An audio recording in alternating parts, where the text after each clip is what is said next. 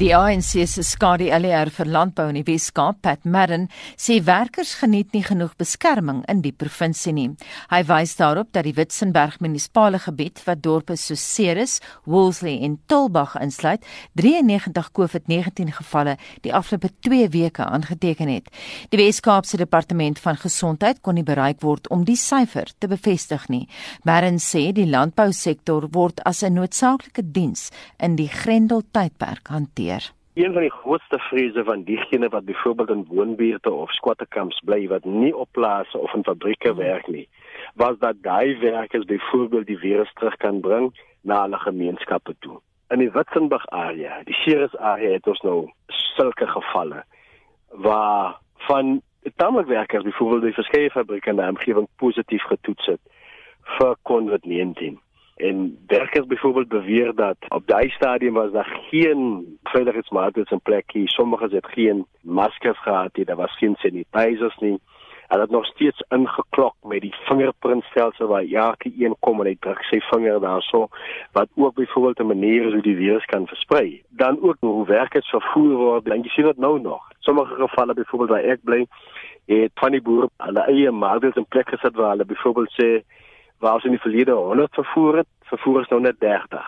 Mm. En ons gee hulle maskers, as jy op die voertuig klim dan is daar sanitizer, as jy op afklim dan is daar sanitizer, dieselfde by die werkplek.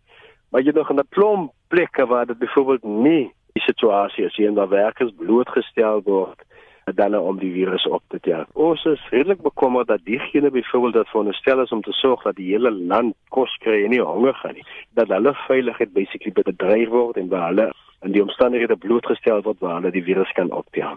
Hoe moet hierdie situasie opgelos word? Die departement gesondheid en die departement uh, arbeidsake, hulle het basically die powers om te kan enforce. Hmm. Selfs met die polisie waar mense getransport word, moet daar seker gemaak word dat daar social distance is ons praat oor 'n vierkante meter spasie vir elke persoon wat op 'n lorry. Ewenal weet ons dat die vervoer van mense op vragmotors onwettig is, maar dit is byvoorbeeld die praktyk in klomp areas. Ons moet seker byvoorbeeld maak dat mense nie by die vinger inteken by werksplekke nie en dat daar ander metodes gevind word. Ons moet seker maak dat binne fabrieke met 'n social distance is.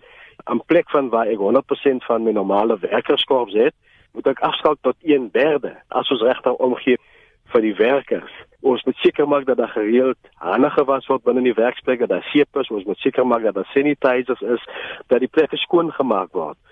So wanneer werkers dan op vanaand klaar gewerk het en terugkeer na hulle huise toe, dan weet families dan dat die werker wat byvoorbeeld in 'n veilige omgewing en daar's geen manier dat dit die virus terug kan bring na die huis toe nie. Vertel vir my van die mense wat mense aangesteek het daar in Ceres of uh, by Witzenberg. Die heel eerste geval in Witzenberg was die 14de April. Daai wat ons weet. En uiteindelik staan hulle op 93. Die 14de, die 21ste, ons is vandag die 28ste. So van 1 tot by 93 het byvoorbeeld binne 2 weke gebeur. En jy reken dis omdat daar nie die noodsaaklike maatreëls in plek is nie. Toe van die werkers getoets het, dink ek byvoorbeeld van die maatreëls was nie onmiddellik in plek gesit nie. Daai is 1, 2. Daar's beweringe wat gemaak word dat van die werkers byvoorbeeld net huis toe gestuur was nadat werkers positief getoets is. Hulle is eenvoudig net huis toe gestuur waar terug gaan dit binne in sy gemeenskap in sonder dat hy getoets of gestrem was. So die moontlikheid dat daai groep werkers wat in die gemeenskap ingestuur was positief kon toets, die moontlikheid is daar. En ek dink dis een van die redes hoekom daar daai spike was binne in die Witzenberg omgewing van 1 tot 93 in 14 dae. En ons byvoorbeeld vermoed dat daar gaan nog 'n spike wees, 'n heavy spike wees binne die volgende paar weke. Witzenberg is al reeds die episenter van die Cape Winelands die Cape Winelands het vyf munisipaliteite waarvan Witzenberg een is. Die ander vier, hulle getalle is veel way minder as Witzenberg een munisipaliteit sin. Die ander distrik munisipaliteite daar buite, jou Garden Road, as jy byvoorbeeld vat die Karoo, as jy byvoorbeeld vat daai individuele distrik munisipaliteite, se getalle is minder as een munisipaliteit wie Witzenberg is. So daar's definitief 'n krisis. Mense beweer dat dit is fabriekwerkers byvoorbeeld wat by die fabriek opgetel het en versprei het. En so dit uitgereik. Die hospitaal was op 'n stadium toegemaak. Die polisiestasie was verlede week toegemaak waar werkers positief getoets word. Net van hier bewaarders by die Kouebokkeveld gevangenes het positief getoets. So daai area sit ons met die helse cases En ons kan nie voortgaan as normaal nie en ander resultate verwag nie. Ons moet iets buitengewoons doen om die spike byvoorbeeld daarso te stop en om die kurf uh, dan nou weer na normaal toe te bring. En die man met daai raad is Pat Madden, hy's die ANC se skadu LR vir landbou in die Wes-Kaap. Hy het met Mitsi van der Merwe gepraat. Monitor kon nie gister die departement van gesondheid in daardie provinsie in die hande kry nie. 17 minute oor 7 op RSG en ons bly by die COVID-19 uh, in die platteland van die Wes-Kaap en ons praat nou met die uitvoerende hoof van Agri Wes-Kaap, Jannie Strydom. Jannie, goeiemôre. Goeiemôre Gustaf en goeiemôre aan al die luisteraars. Ons het nou geluister daarna die kommer van werkers op die plase en die fabrieke. Hmm. Wat is Agri Weskaap se beleid met betrekking tot hierdie hele inperking? Ja, Gustaf, ek wil weer eens uh, ek wil net begin deur te sê, ehm um, uh die die die hele COVID-19 pandemie uh beskou ons in 'n baie ernstige lig. Ehm um, en uh, ek het ook nou geluister na wat uh, meneer Marin sê en en en daar's verseker uh, goed wat ek met hom mee saamstem uh, in terme van dat dit belangrik is is dat ons uh, almal op die plase die die die die produsente, die eienaars, die die plaaswerkers almal veilig hou. Ehm um, en en uh, veral in hierdie tyd en ons kan nie bekostig om iemand ehm um, te verloor uh, aan hierdie pandemie nie. Ons is 'n uh, essensiële sektor soos hy ook gesê het en dit is vir ons krities dat ons kos op die winkelrak hou, maar ons kan dit nie ten koste van mense doen nie. So dit is 'n fyn balans wat gehandhaaf moet word en ons en ons beleid van vanuit Agri Weskaap of georganiseerde landbou dan in totaliteit is om te seker te maak dat ons binne die regulasies funksioneer laat ons daai inligting uh deurkry by ons lede so gou as moontlik en so doeltreffend moontlik en en ons moet fokus op die veiligheid van almal op die plase. So ehm um, ja nee nee ek kan nie uh da, ons kan nie afwyk van van die regulasies nie en dit is vir ons krities maar ek moet vir jou sê uh oor die algemeen ja daar sal sekerlik hier en daar tekortkominge wees uh maar ek kan jou verseker dat van georganiseerde landbou se kant af poog ons werklik en en ons lede ook dan dienooreenkomstig om by hierdie regulasies te hou en die voorkomingspraktyke uh toe te pas uh so deeglik moontlik. Ja nee, is daar mense wat nie hou by die regulasies nie? Anita, dit is uh verseker. Ek dink uh ehm um, ek dink nie dit is doelbewus nie. Ek ek dink ons moet ook verstaan toe die regulasies afgekondig is. Uh was is daar baie daar's nou nog grys areas. Daar's nog interpretasie verskille, jy weet, by padblokkades ensovoorts wat ons nou op 'n daaglikse basis nog uitsorteer. So ehm um, ek ek wil dit nie ek wil dit nie noem doelbewus nie, maar uh, verseker, onthou uh landbou is ook nie soos die Engelsman sê 'n perfect science nie. Jy weet, jy werk in in boorde en en en en daar's klomp mense te gelykertyd op 'n plaas of in 'n pakstoor. So jy het samewerking van van die werkers en die en, en die eienaar nodig om hierdie ding te bestuur. So dit kan gebeur dat dat dat die uh, en, en vir my die kritiese gedeelte is die is die is die sosiale afstand uh, tussen werkers en uh, en jy weet om om dit ewe skielik net by mense tuis te bring en dat almal inkoop daarin en volg daarbey is is 'n moeilike konsep. Uh want ons is mos so gewoond ons gesels en ons uh, uh kuier saam en ons is in groepe, jy weet dit is mos nou maar net 'n menslike uh optrede en en dit is en dit is uitdaging. En maar ja, ons poog so ver moontlik soos ek reeds gesê het, jy weet om om daai boodskap uit te kry, handhaaf daai daai regulasies poog om nie af te wyk daarvan nie want dit is krities. Uh, ons kan nie die vers, uh, ons ons moet die verspreiding beperk. Ons kan nie ons kan nie toelaat dat hierdie getalle styg nie. Janie het nou self verwys na na die vrugteboere. Hoe stel julle spesifiek voor uh, wat moet vrugteboere doen waar daar baie werkers bymekaar is in die pakhuise uh, en hoe moet hulle die situasie hanteer? Wat kan hulle ja. doen? Ja, Gustaf, jy weet dit is ons kan uh, voorstelle maak. Ons kyk na die regulasies, ons kyk kyk na riglyne. Maar ons moet ook onthou uh, die Witzenberg streek is 'n baie diverse streek, né? Daar's kernvrugte, steenvrugte, wyndruiwe, graan, groente, vee. Jy weet so daar's nie daar's nie een plan of of voorstel wat vir al almal kan geld nie. Dit dit verskil nou van van van uh boerdery entiteit na boerdery entiteit. So, maar wat ons wel uh sê is uh, die normale regulasies, jy weet en en en, en om om te hou by die die die voorkomingsmaatreëls. Ons het heel in die begin die eerste 2 uh, dae het ons uh, via Agri SA het ons 'n uh, infogram uitgestuur, jy weet hoe om voorkomend op te tree, hoe om sanitasie die die die die die hande was, die die hoes, die nies, al daai goed, beskermingsklere. So ons probeer uh, op baie maniere, jy weet, uh, dit deurkry by uh, uh, by daai produsente en ek dink regtig hulle poog van hulle kant af om albei uh, te aan daan te voldoen.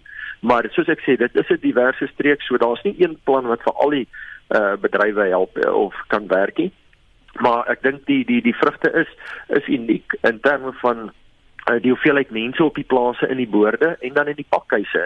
Jy weet dit is dis 'n groot klomp mense, is 'n konsentrasie en en ek ek ook ek hoor na meneer Maran se ver, vergelyking van die ander streke ook goed, maar ons moet net kyk na die konsentrasie uh, van mense in 'n sekere area, jy weet die hoeveelheid uh, dan statisties behoort uh sulke getalle hoor te wees. Ek praat geensins goed dat daar 93 gevalle moet wees nie. Dit sê ek glad nie. Ek sê net dit is 'n uh, uh, statisties behoort dit in jou meer dense areas behoort dit uh, of gekonsentreerde areas, ekskuus, behoort dit uh, behoort jou getalle meer te wees van hierdie uh, uh, getalle positief getoetste mense. Is jy bang hulle gaan dalk die landboubedryf in die Wes-Kaap verder inperk as dit lyk of daar 'n episentrum begin ontstaan daar? Wel, dit is verseker 'n bekommernis. Ons kan dit nie ons kan dit nie bekostig nie. Jy weet, landbou is uh is is 'n so groot uh, bydraer tot die plaaslike of die provinsiale ekonomie asook die landsekonomie, maar spesifiek provinsiaal verseker. Uh ons uh, in die Weskaap is die grootste uitvoerder van landbouprodukte in in die land. So uh, ek dink nee, dit vir ons krities, jy weet, ons kan nie ons kan nie toelaat dat so iets gebeur en dat daar verder inperkings is nie. So ons werk regtig hard en en saam met die owerhede om om dit te beperk. Ehm um, ek is byvoorbeeld môre uh, uh, in seer in seer is vir 'n vergadering om om te kyk hoe kan ons verdere voorkomingsmaatreëls in in plek stel. Uh die die die, die provinsiale minister van gesondheid was gister daar gewees en en sy het vir ons ook verdere protokolle deurgegee en goed. So ehm um, en en ons ons streeks uh, verteenwoordiger daar werk nou saam met die rampbestuur bestuur sentrum en munisipaliteit om om uh, om maatreëls in plek te sit en en en en inligting deur te gee. So ons kan dit definitief nie bekostig nie, maar ek is ook verseker ons sit nie agteroor en wag dat dit gebeur nie. Ons probeer werklik proaktief en en en sorg dat dit nie gebeur nie want dit is vir ons krities. Uh ons ons ons ons ons produsente, ons plaaswerkers is vir ons uiters uiters krities en ek wil sommer die geleentheid nou misbruik Gustaf en en weer eens vir hulle dankie sê dat wat ten spyte van hierdie moeilike tye en die hoë risiko nog steeds bly produseer en en sorg dat ons kan kos op ons winkels winkelrakke, jy weet so. Baie dankie. Dis 'n groot poging. Dankie dit aan Janie Strydom uitvoerende hoof van Agri Weskaap. 24 oor 7 en die sterftetal weens COVID-19 in Suid-Afrika het nog nie 100 bereik nie, maar daar word reeds gewaarsku dat die land dalk net 'n kalm tyd voor die storm ervaar. Daar word verwag dat die infeksiekoers skerp kan styg en daarmee saam die sterftetal. Stede reg oor Suid-Afrika berei nou voor om die skerp toename in sterftes te hanteer en dit sluit massa grafte in. Die Nelson Mandela Bay Metro is die middelpunt van die pandemie in die Oos-Kaap met die grootste potensiaal vir 'n vinnige verspreiding van die virus.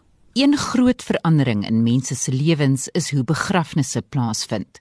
Vir begrafnisse is grond nodig en dit kan wees dat die behoefte aan begrafnisspasie veel groter sal wees as die beskikbare grond.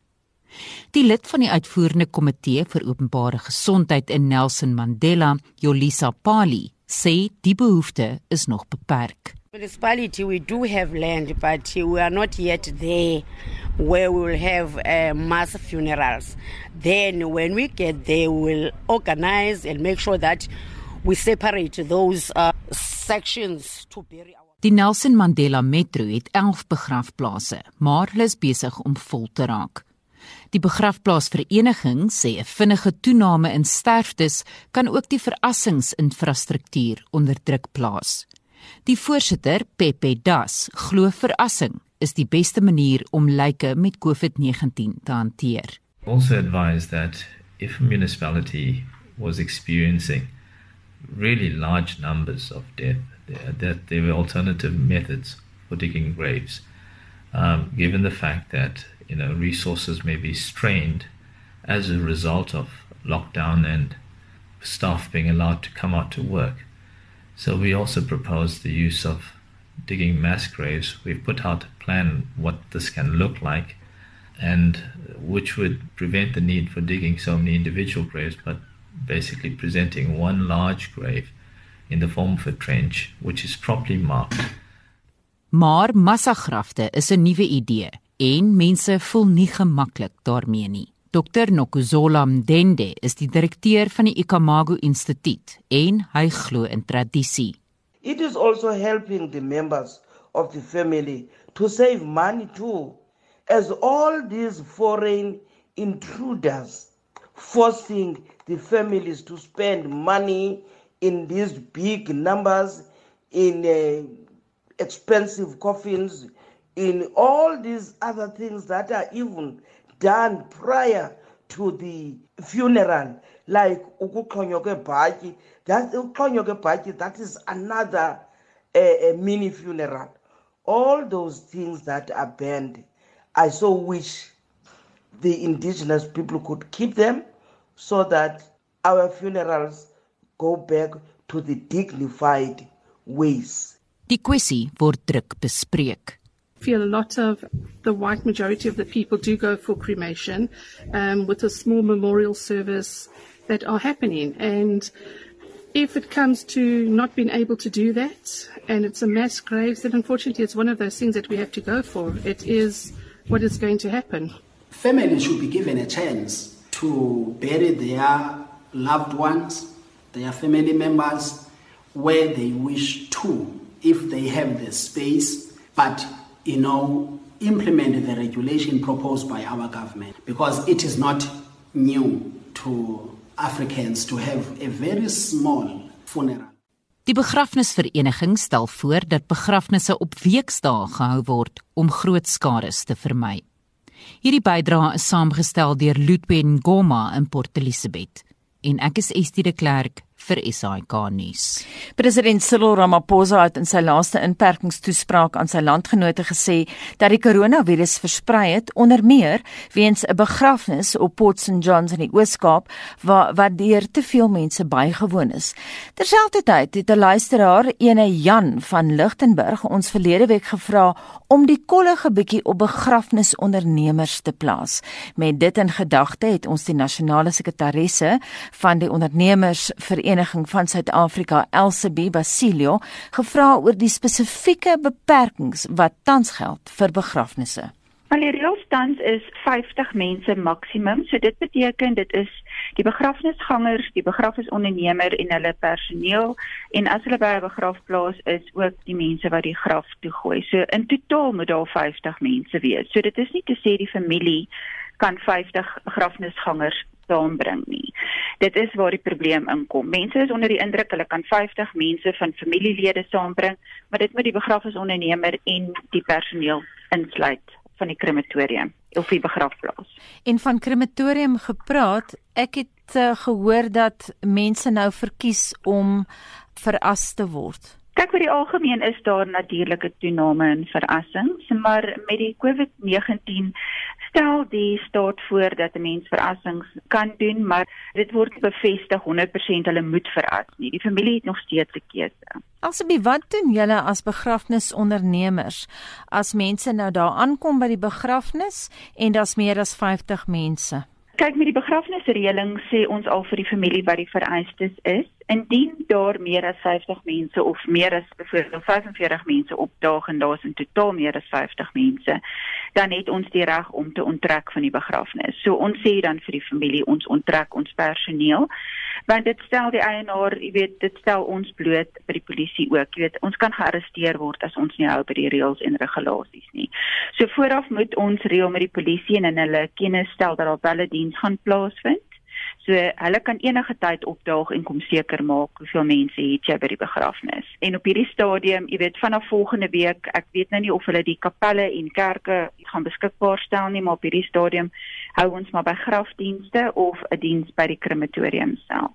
En hoe ervaar julle Suid-Afrikaners se houding? Verstaan hulle hierdie nuwe reëls? Hou hulle daarbey?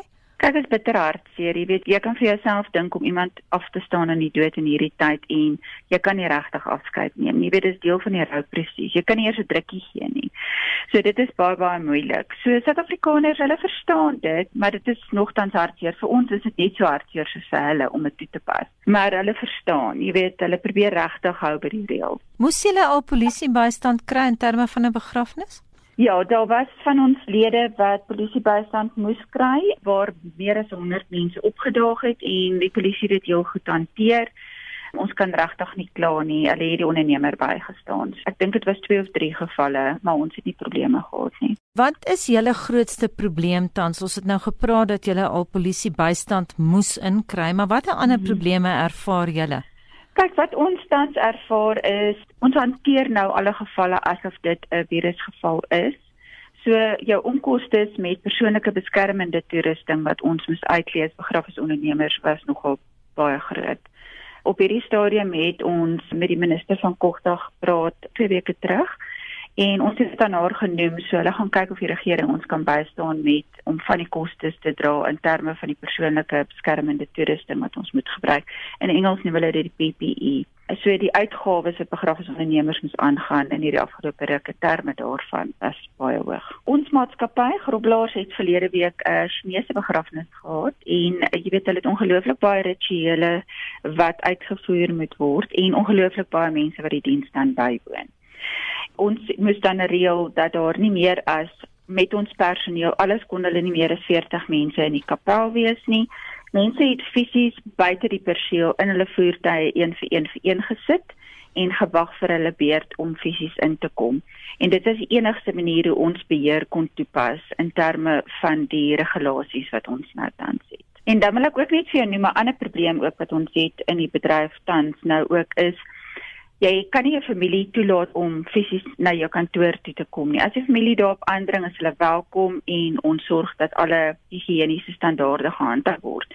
Maar baie van die begrafnisreëlings word per e-pos of Skype ensovoorts nou gedoen. Kom ons gaan terug na voor die begrafnis.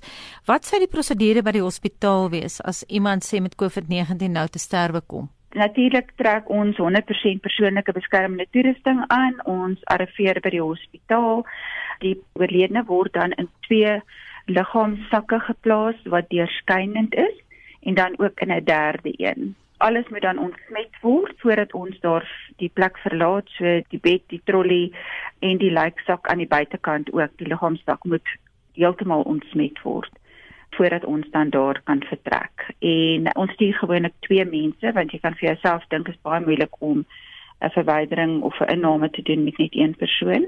So dit is maar wat ons moet doen, maar die ontsmetting van alles vind dan plaas soos ek hier arriveer ook by die kantoor. Die voorbereiding en die versorging van die oorledene vind dan hier plaas met volle ontsmetting. Dit dan die nasionale sekretaris van die ondernemersvereniging van Suid-Afrika, Elsabie Basilio. Dit bring ons by 7:34.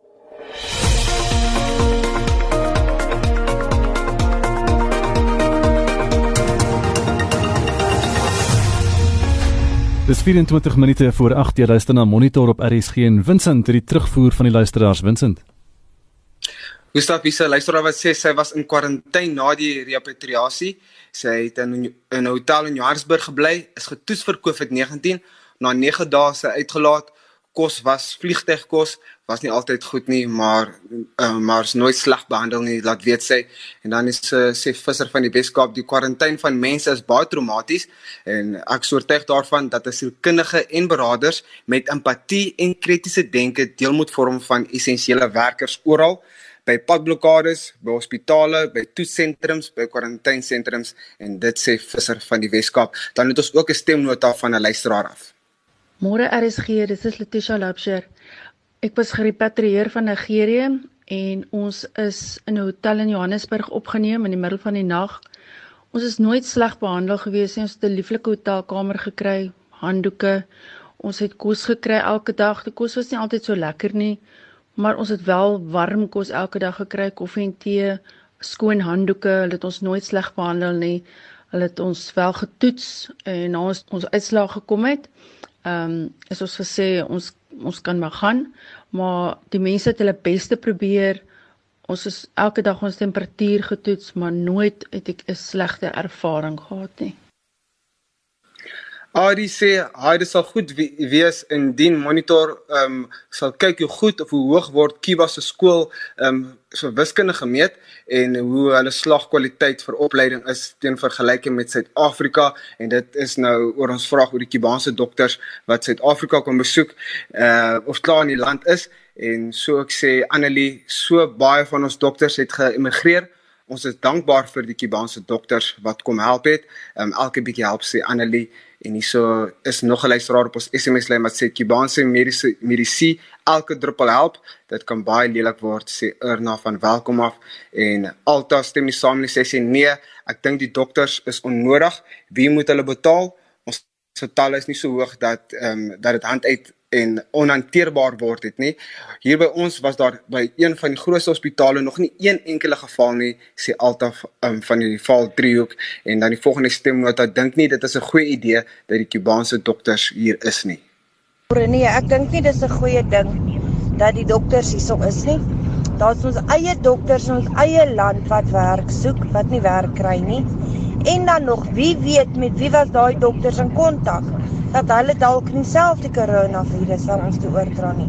Dit is Ronel en ek is self in die in 'n essential dienste. Ek werk self in 'n hospitaal. Nou wil ek van jou die luisteraar Araf verder hoor. Stuur vir ons jou boodskap na 45889 R50 per SMS of stuur jou kommentaar op facebook.com vorentoe skynstreep ZRSG en jy kan gerus jou stemnota na 076 536 6961 toestuur.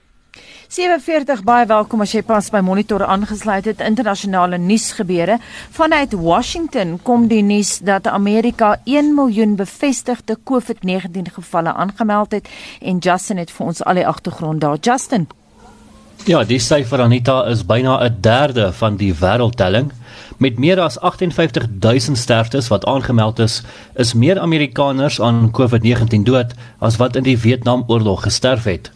President Donald Trump skryf die hoë getal bevestigde koronavirusgevalle toe aan die land se toetsvlakke. You have to understand when it comes to cases, we do much more testing than anybody else. So we could go to some of these other countries, you know, as an example, China. If you test, you're going to show many more cases. So we're testing, we're doing more testing than any other country in the world by far. President Trump het ook beveel dat vleisverwerkingsaanlegte oop moet bly om die voedselvoorsieningsketting van die land te midde van die koronaviruspandemie te beskerm. Na raming is 3300 Amerikaanse vleisverpakkingswerkers gediagnoseer met die koronavirus en 20 is dood. Trump se besluit sal egter werkgewers van aanspreeklikheid onthef as hulle werkers siek word.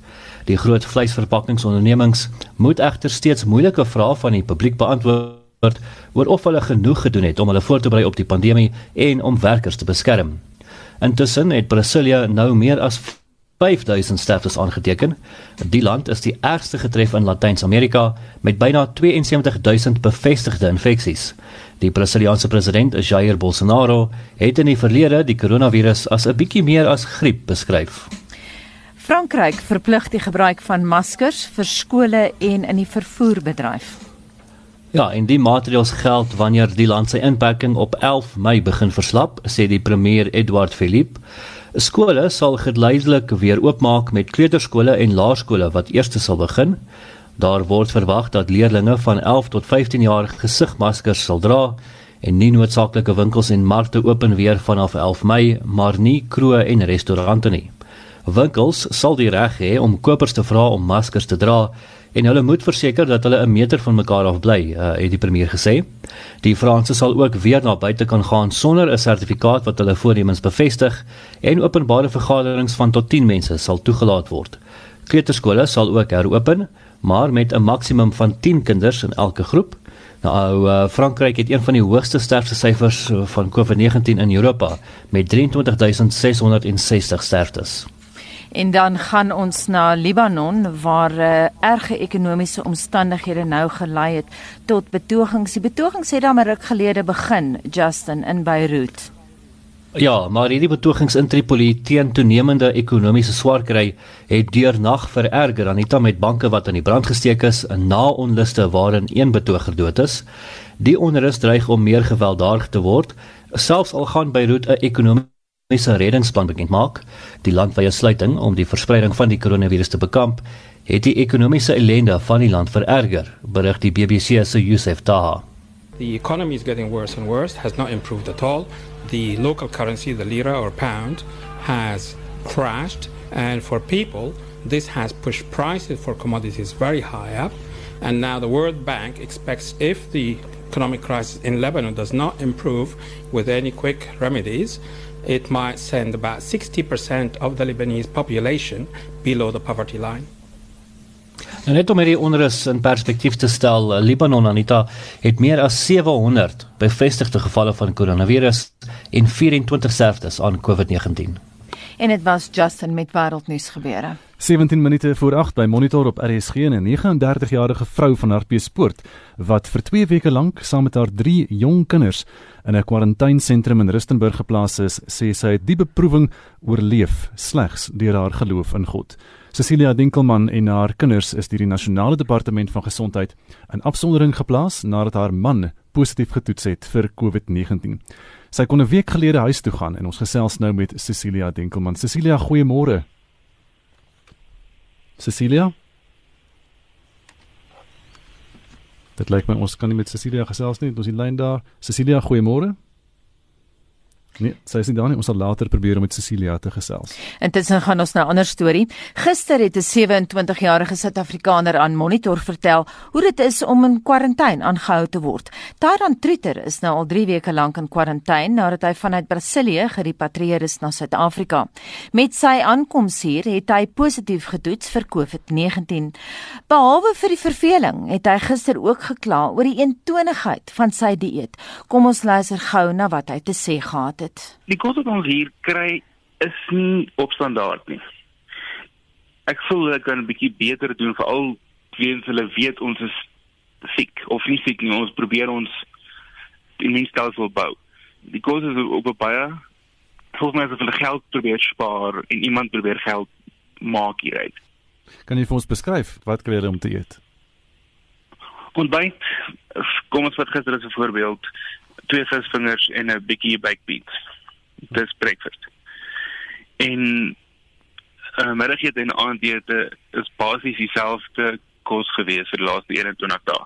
Jou keuse is hoender met rys of, of pap en dan een of ander vorm van beesvleis met rys of pap. Dit is jou keuse. Nou ons bly by die storie en praat nou met 'n dieetkundige verbonde aan die voedingsinligtingseentrum aan die Universiteit Stellenbosch, Irene Labeskagni, vir haar reaksie op Tyran se dieet. Jy het nou gehoor wat hy sê, dit klink na 'n baie vervelige dieet of hoe?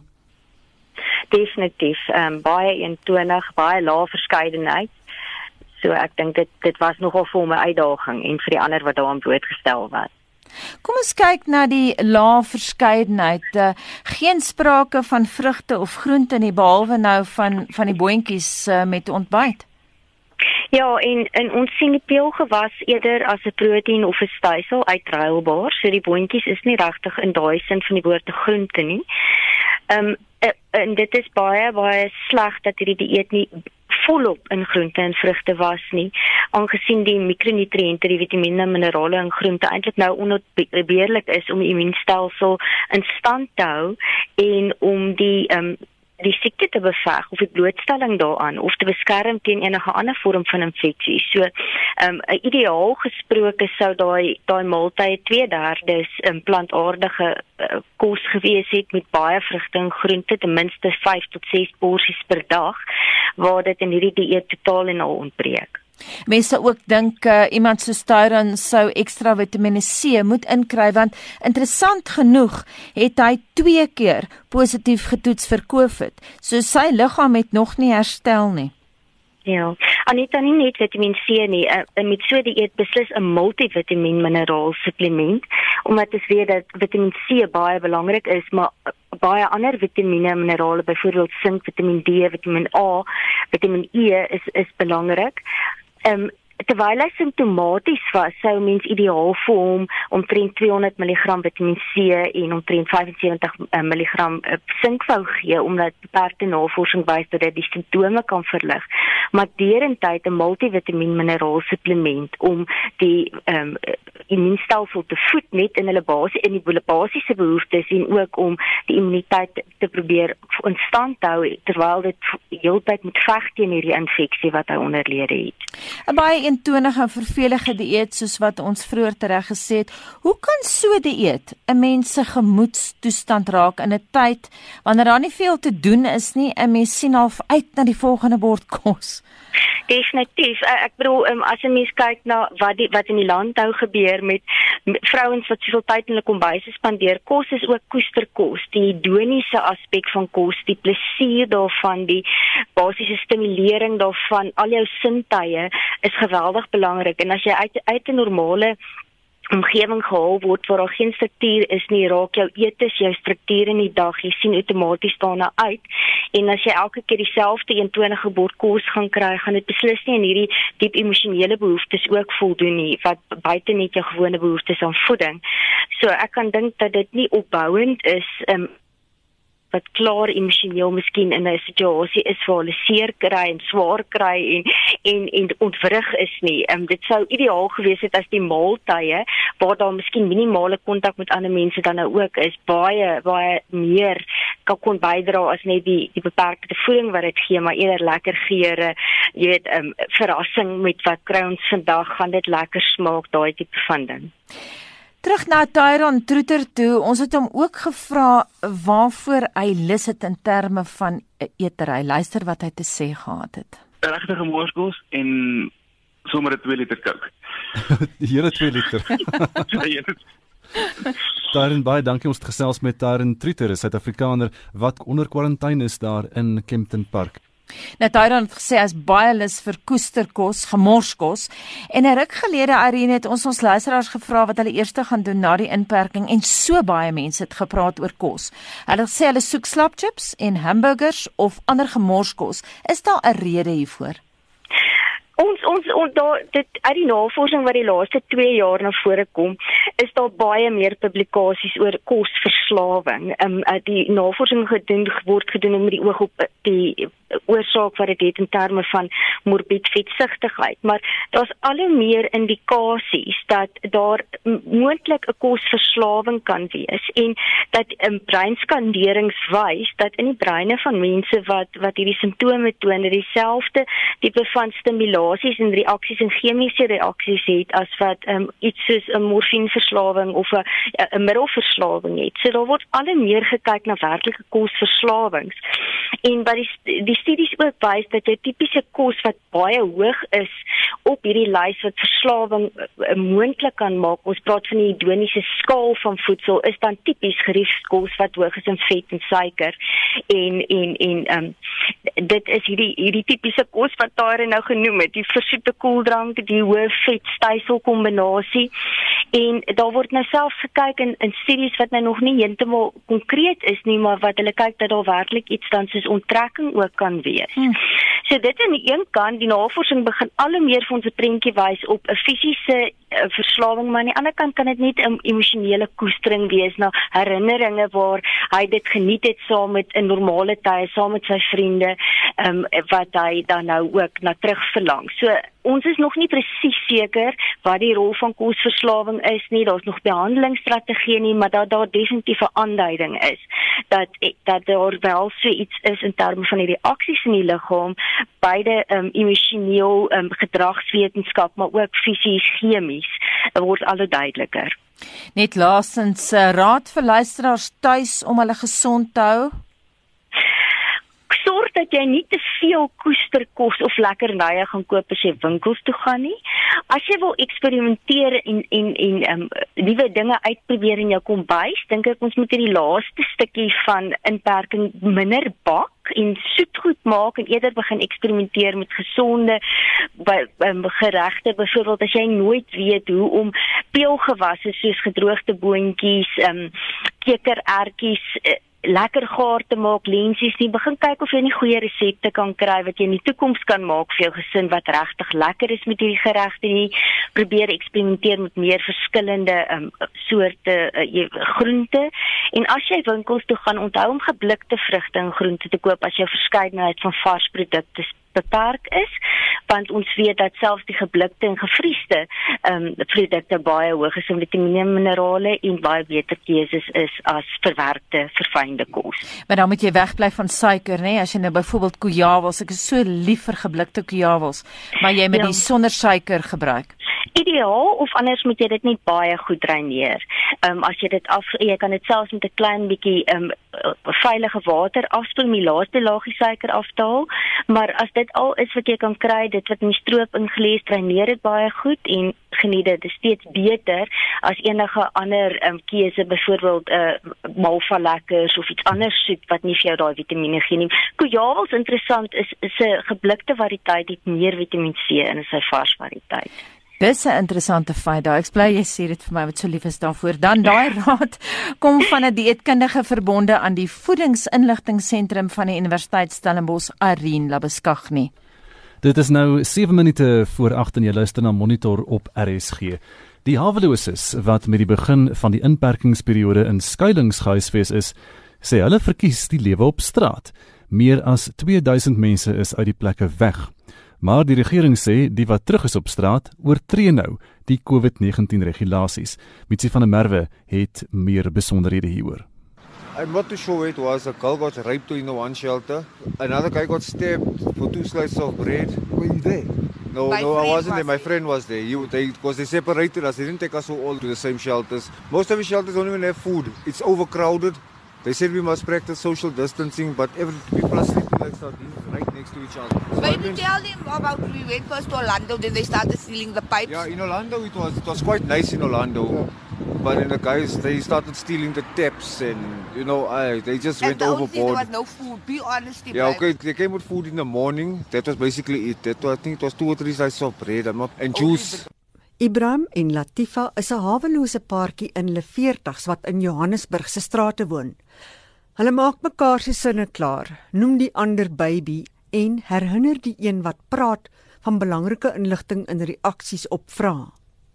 Die twee het reeds in verskeie skuilings in die Grendeltydperk gewoon in Soweto en Mayfair in Johannesburg. Maar hulle het elke keer weggeloop omdat die lewensomstandighede haglik is. We know how to survive on the street so you know okay obviously we don't want to get sick and make people sick and things like but we don't have another we don't have any other choice. you're a couple, right? Yeah. Yeah, we are married like, couple. You have skill, uh, uh, Ibrahim. Yes, I, Yeah. I've got. Yes, I got. I finished school. I, I've got. You know, I've got a lot of of working experience as well. But there's a problem is I can't. got fi- my matric can't find. Mama, a that job. you have I am matric everything. you have matric, I finished matric. My husband got his matric. But you guys don't have jobs. You can't find a job, man. It's hard to find a job here, especially here in Joburg. And another thing, we don't have IDs because the first time we came to the street, because we were new on the street, people started stealing our things. How long have you been in the street in Johannesburg? Uh, about two years now. Is it two years, babe? Two or three. years. I think Two. it's been for three years Yeah, now. November will be three years. Maar die Gautengse Departement van Maatskaplike Ontwikkeling sê sedert die inperkingstyd begin het, is 5800 haweloses in 26 plekke van skuilings geplaas. Slegs 3070 is nog daar, terwyl die ander 2000 die pad gevat het. Die departement se woordvoerder, Tabiso Longwane, pak die skuld daarvoor op onttrekkingssimptome van verslawingsmiddels en ander wat nie die straatlewe uit hulle bloed kan kry nie. Hy dring daarop aan dat hulle teruggebring moet word. They are violating the COVID-19 regulations. We have called for law enforcement to work with us as a department. Whenever they see them on the street, law enforcement are the only ones with authority to take the person from the street and bring that person to our shelter. Tabiso Longwane het mense wat wil terugkeer na skuilplekke verseker dat daar genoeg plek is en dat die kos verbeter het. Die wat dwelmontrekkingssimptome het, word met medisyne gehelp terwyl daar gesondheidswerkers is om noodgevalle te hanteer. Education will provide bursaries. Gauteng um, City Region Academy is also willing to come on board to provide uh, uh, soft skills uh, programs and also uh, give them an opportunity to fend for themselves in a form of learnership and other uh, programs. Tsepo Pagani het hierdie verslag in Johannesburg saamgestel. Mitsi van der Merwe, SAK nuus. 757 so 'n paar minute tyd. Kom ons luister na stemnotas reaksie van ons luisteraars vanoggend. Goeiemôre, dit is Lisa van Ermelo. Ons het nou die afgelope tyd twee begrafnisse by die kerk gehad. En al twee het vlot verloop. Ons was in die beperking van onder 50 en da, dit was net stigtelik en ordelik. En ons het daar vir vandag en ons is huis toe. En uh, ek glo as mense dit ordelik doen, sal dit reg wees.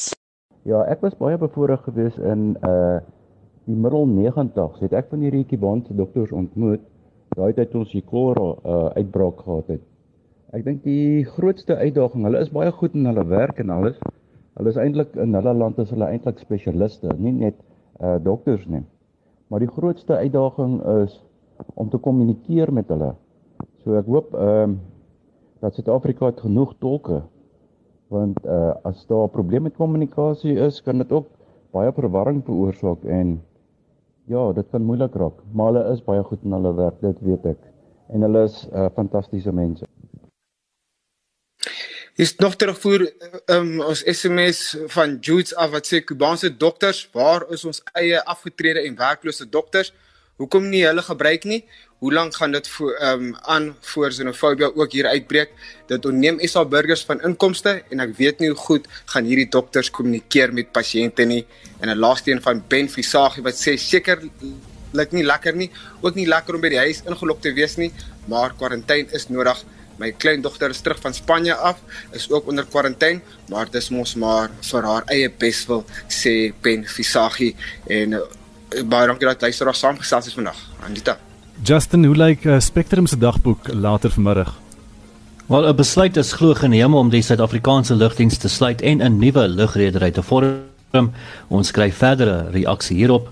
Boere in die Noord-Kaap sukkel steeds met die droogte na gebiede daar onder gemiddelde reënval ontvang het en 'n asteroïde sal na verwagting later vandag verby die aarde vlieg, maar jy hoef nie te vrees dat dit 'n gevaar is vir ons nie. En daarmee groet die monitor span met waarnemende uitvoerende regisseur Wessel Pretorius. Die man in die warm stoel vanoggend was Hendrik Martin, ons produksieregisseur Daitron Godfrey. My naam is Anita Visser. Praat saam is volgende op RSG met Lenet Fransis Spiron. Ek is Gustaf Greiling en mooi bly tot môreoggend om 6.